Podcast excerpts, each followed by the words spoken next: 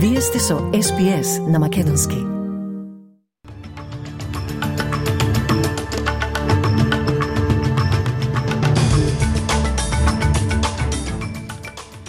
Од денешниот билтен вести издвојуваме. Матилда споразени во полуфиналето од Англија. Вниманието сега е свртено кон шведски надпреварот за третото место. Ентони Албанезе отвори националната конференција на лабористите во Бризбен. Стапката на невработеност во Австралија се зголемува на 3,7%.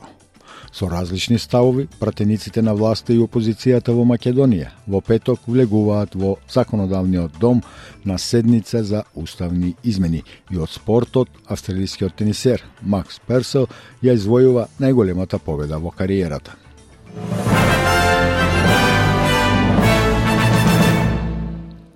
Надежите на Матилда дека ќе играат во финалето на женското светско првенство пропаднаа по поразот од Англија во полуфиналето 3 спрема 1.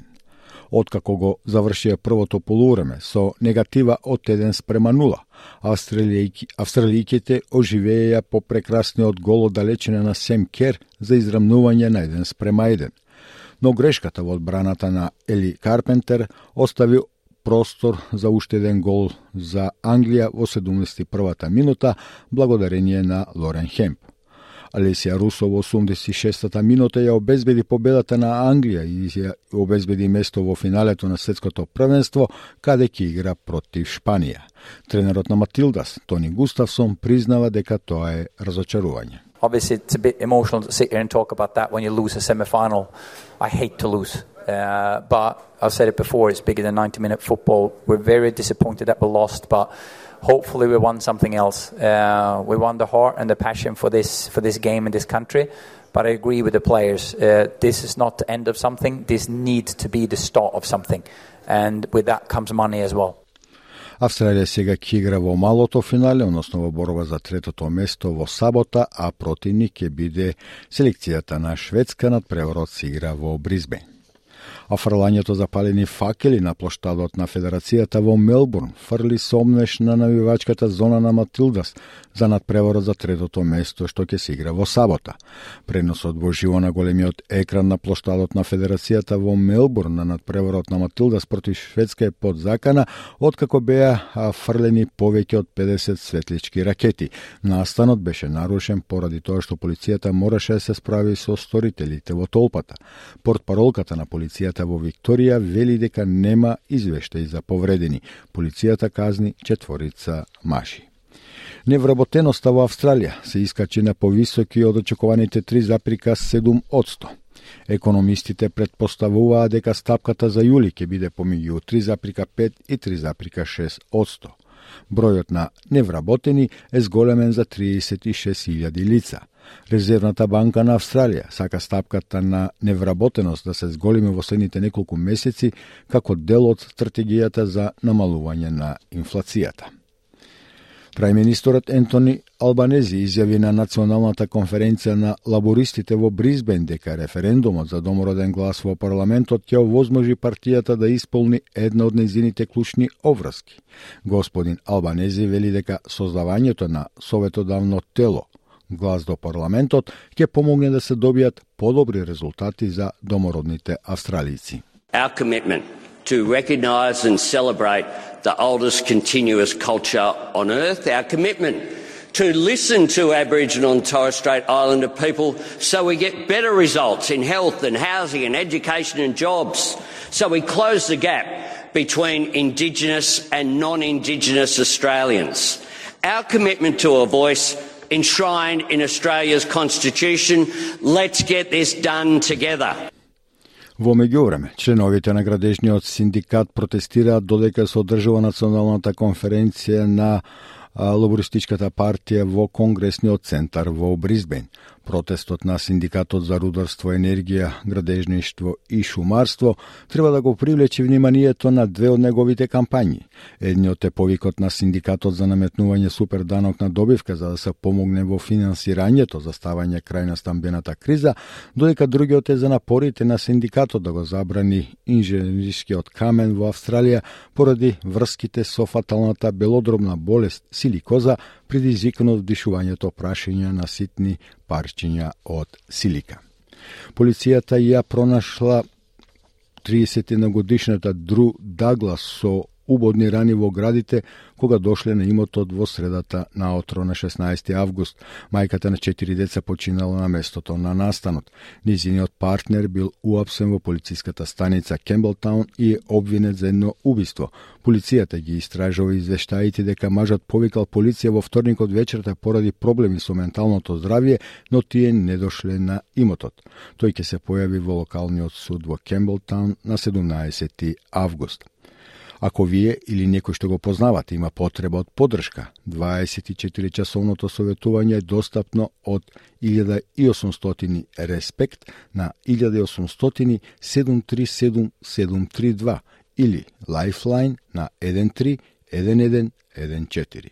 Во итен случај јавете се на 000.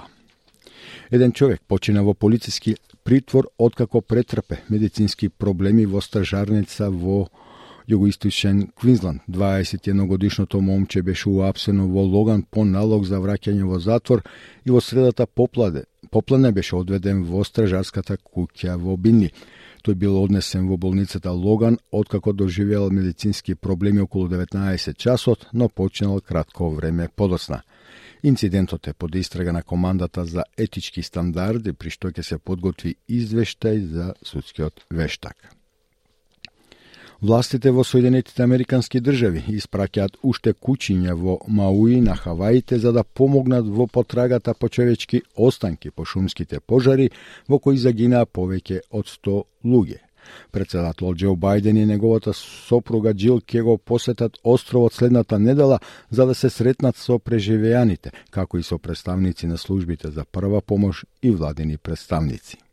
Шефот на Федералната агенција за управување со вонредни состојби Дин Кирсвел вели дека тимовите за пребарување со кучиња ќе се зголемат за уште 49 кучиња трагачи. This is a really hard disaster and this is a really difficult search operation. Because of the conditions and the fire debris, the dogs have to navigate the heat.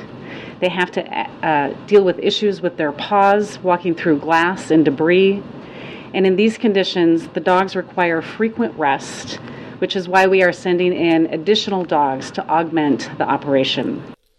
Нема притисоци врз партениците за уставни измени, а на седницата одиме обединети. Ова е заклучокот после координацијата помеѓу лидерот на ВМРО ДПМН Христијан Мицковски и координаторот на нивната пратеничка група Никола Мицевски во пресретна собраниската седница за промена на уставот кој треба да се одржи во петок колкова подршка има за уставни измени, Мицески вели ќе се види уште при гласањето на дневниот ред. Нашиот став е кажан и на Комисијата за уставни измени, каде аргументирано кажавме дека власта турка процес кој што не е подржан од граѓаните. Истото ќе го повториме и на пленарната седница. Оваа седница ќе биде добра можност да се увери целокупната јавност дека власта цела една година лаже манипулира и се е магла околу уставните измени и дека не се ни близко до уставни измени. Власта пак повика да се вразумат опозицијските пратеници. Седницата за уставни измени велат од СДСМ е шанса за опозицијата да покаже дека е за Европска Македонија, изјави Фаница Николовска, пратеник на СДСМ. Може би ова на Мицковски му е последната можност да се приклучи кон, кон проевропскиот блок. А, и Мицковски ДПМН пред, предпоставувам дека ја имаат последната шанса да покажат чувство на одговорност пред граѓаните, затоа што наша обврска како, како политичари е да им обезбедиме сигурна иднина на граѓаните, така како што нашите предци во минатото овозможиле услови да ние живееме во слободна, самостојна и суверена држава. Очекувам и наша одговорност, очекувам и опозицијата да се приклучи кон ова. Најмалку четири цркви се запалени во Пакистан поради тврдењата дека двајца мажи го сквернавеле Куранот. Нападите се случија во Јаранвала, која е провинција во источен Пенџаб. Жителите велат дека се уштетени и десетина згради поврзани со цркви. Црковниот историчар од Националниот католички институт за теологија во Карачи, отец Гулшан Баркат, вели дека наводите за богохулење се лажни. So far, the cases which have emerged, um, so-called blasphemy, uh, pertaining to blasphemy laws, um, most of those, most of the 100% of those uh, cases were false, falsely accused, and uh, maybe they wanted to grab the land, they wanted to chase out the Christian community from the area. И од спортот, австралискиот тенисер Макс Персел ја постигна најголемата победа во својата кариера, победувајќи го светскиот рекет број 7 Каспер Руд во второто коло на Cincinnati Open. Само во својата трета средба во кариерата со топ 10 играч, Персел го запрепасти противникот кој стигна до 3 од последните шест Гренслем финалиња. Неговата победа од 3 спрема 0 во сетови дојде за нешто помалку од 2 часа а фудбалерите на Манчестер Сити го освоија трофејот во Суперкупот на Европа, откако беа подобри по изведувањето пенали против Севилја и славија со 5 спрема 4. Регуларните 95 минути завршија нерешено 1 спрема 1.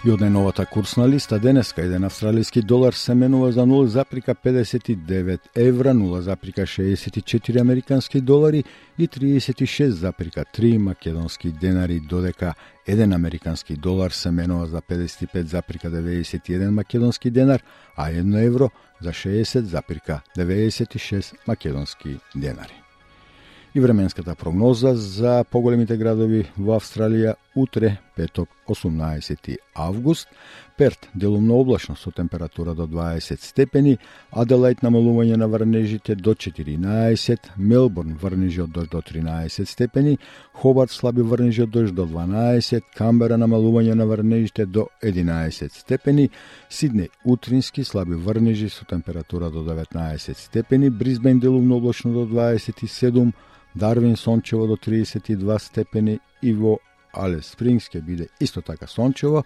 но со температура до 21 степен.